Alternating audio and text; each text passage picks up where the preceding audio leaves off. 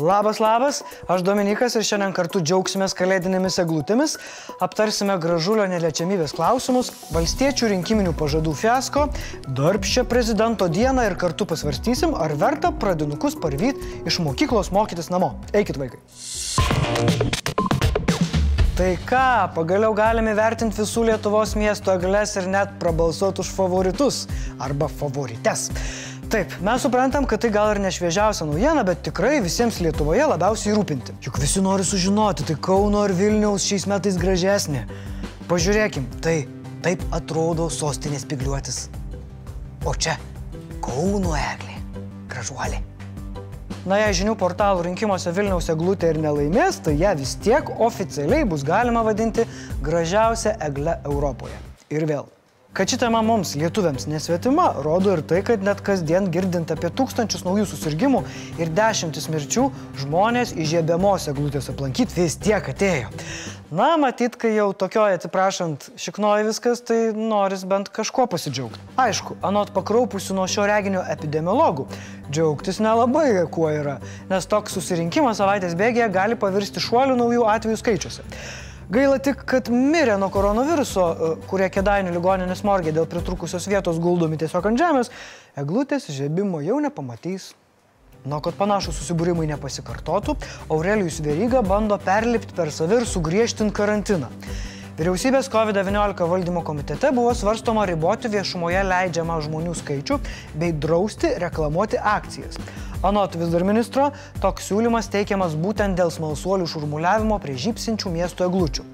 O jums, Aurelijų, kokia eglutė pačiam arčiau širdies? Nelabai aš mačiau tą eglių, negaliu įvertinti, kuri yra gražiausia. Mėly žiūrovai, padėkite ministrui komentaruose apsispręsti, kuri eglutė šiemet verta gražiausios titulo.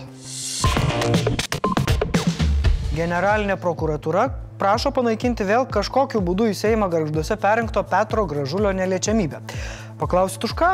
Na, čia variantų daugiau negu naujų užsikrėtimo atvejų ar nuotraukų prie glūtės Facebook'e. Tačiau priežastis nėra nauja. Teisėjas sauga vis dar bando Petrui skirti baudžiaką už tai, kad jis, taip dabar lenkiam pirštus, naudojasi Seimo nario padėtimi.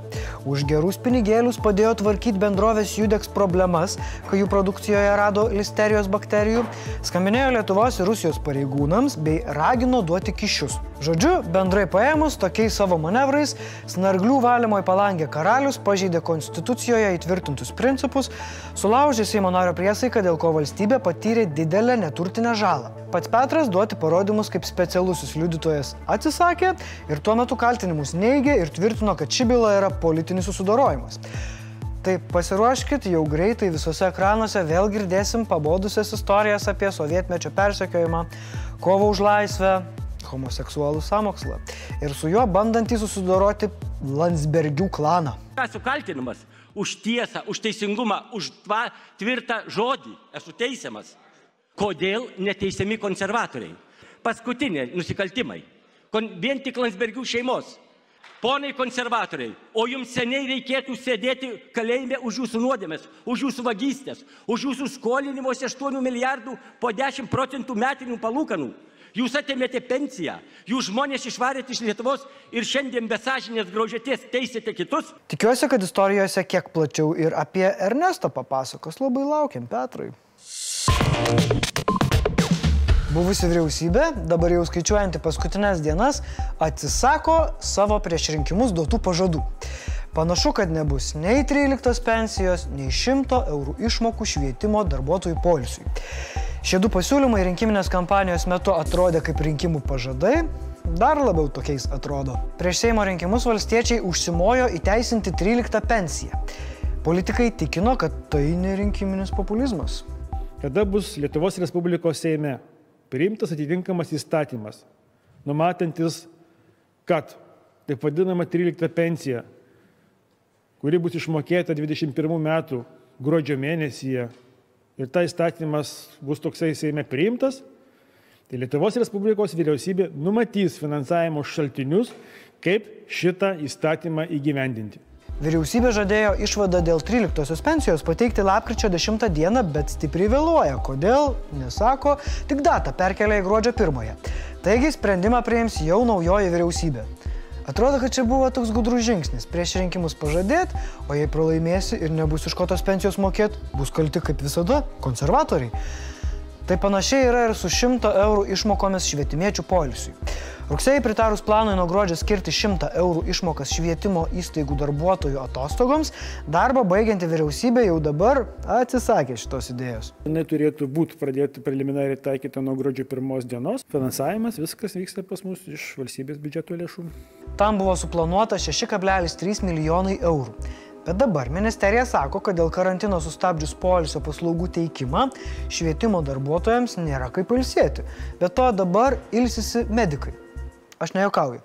Taip ir pasakė. Bet gal ir nereikėjo tikėtis, kad nueinanti valdžia laikysis pažadų.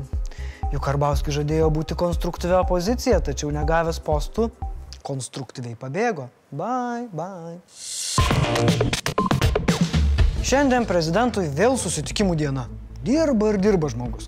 Pas save jis pasikvietė tris kandidatus į ministrus - Jurgitą Šiukždinienę ir Aušrinę Armonaitę su Arūnu Dulkiu. Pirmoje ant kilimėlio pasirodė konservatorių kandidatė į švietimo, mokslo ir sporto ministrės Šiukždinienė. Prezidentui patiko kandidatės mintis dėl plataus politinių partijų švietimo susitarimo. Sutapo prezidento ir kandidatės į ministro postą požiūriai dėl to, kad nacionalinis susitarimas yra ta galimybė, kaip žengti į priekį E, švietimo srityje ir gerinti e, rezultatus. Tačiau jo ekscelencija pasigėdo sporto vizijos. Tačiau buvo aptarta, kad prie to e, bus sugrįžta ateityje. Toliau vyko visų labai lauktas susitikimas su Dulkiu. Kodėl? Nes balandį nausėda nepratėsi Dulkio valstybės kontrolės vadovo kadencijos. Tai visi spėliojo, ar iškart netmes kaip galimo sveikatos apsaugos ministro. Prezidento atstovas žiniasklaidai išsisukinėjo nuo tiesaus atsakymo, kaip vertina Dulkį. Sakė, kad tai rytoj pasakys pačiai premjerai. Dulkys prezidentui pristatė net 130 punktų pandemijos planą. Duodamas komentarą po susitikimo kandidatas perdavė jautrę ir svarbę žinutę. Jis paprašė, prieš keliaujant prie kalėdinio glučių kartu su visa šeima, parašyti du laiškus.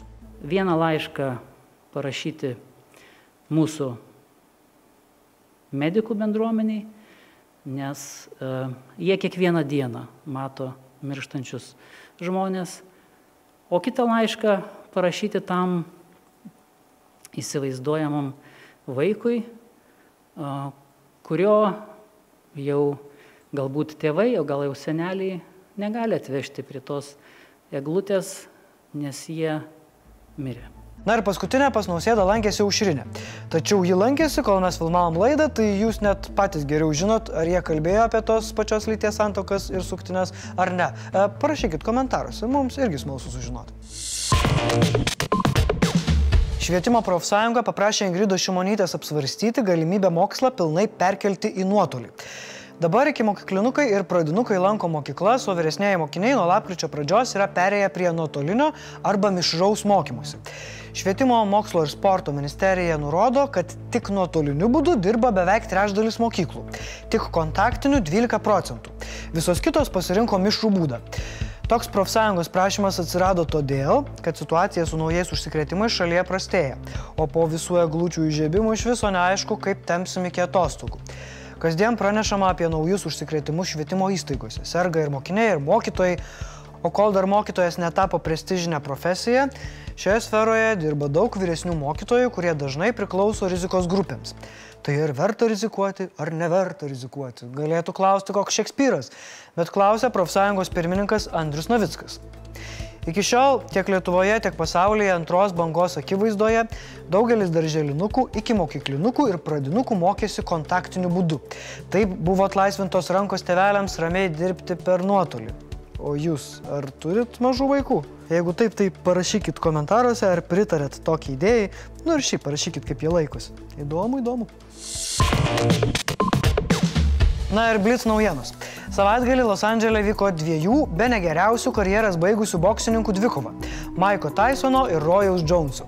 Milžinišką žiotažą sukėlusi 8 raundų dvikova baigėsi lygiosiamis Italijos konkurencijos priežiūros tarnyba technologijų milžiniai Apple skiria 10 milijonų eurų baudą už klaidinančią informaciją reklamose.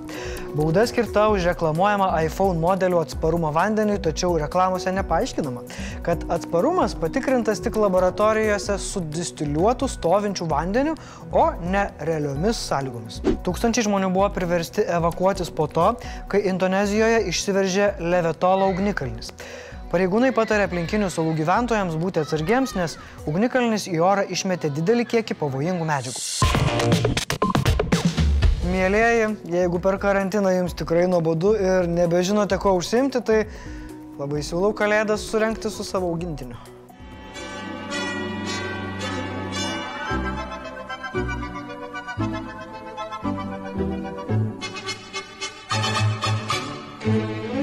Tai kažką dar norėjau sakyti, bet e, pasakysiu rytoj. Tiek žinių.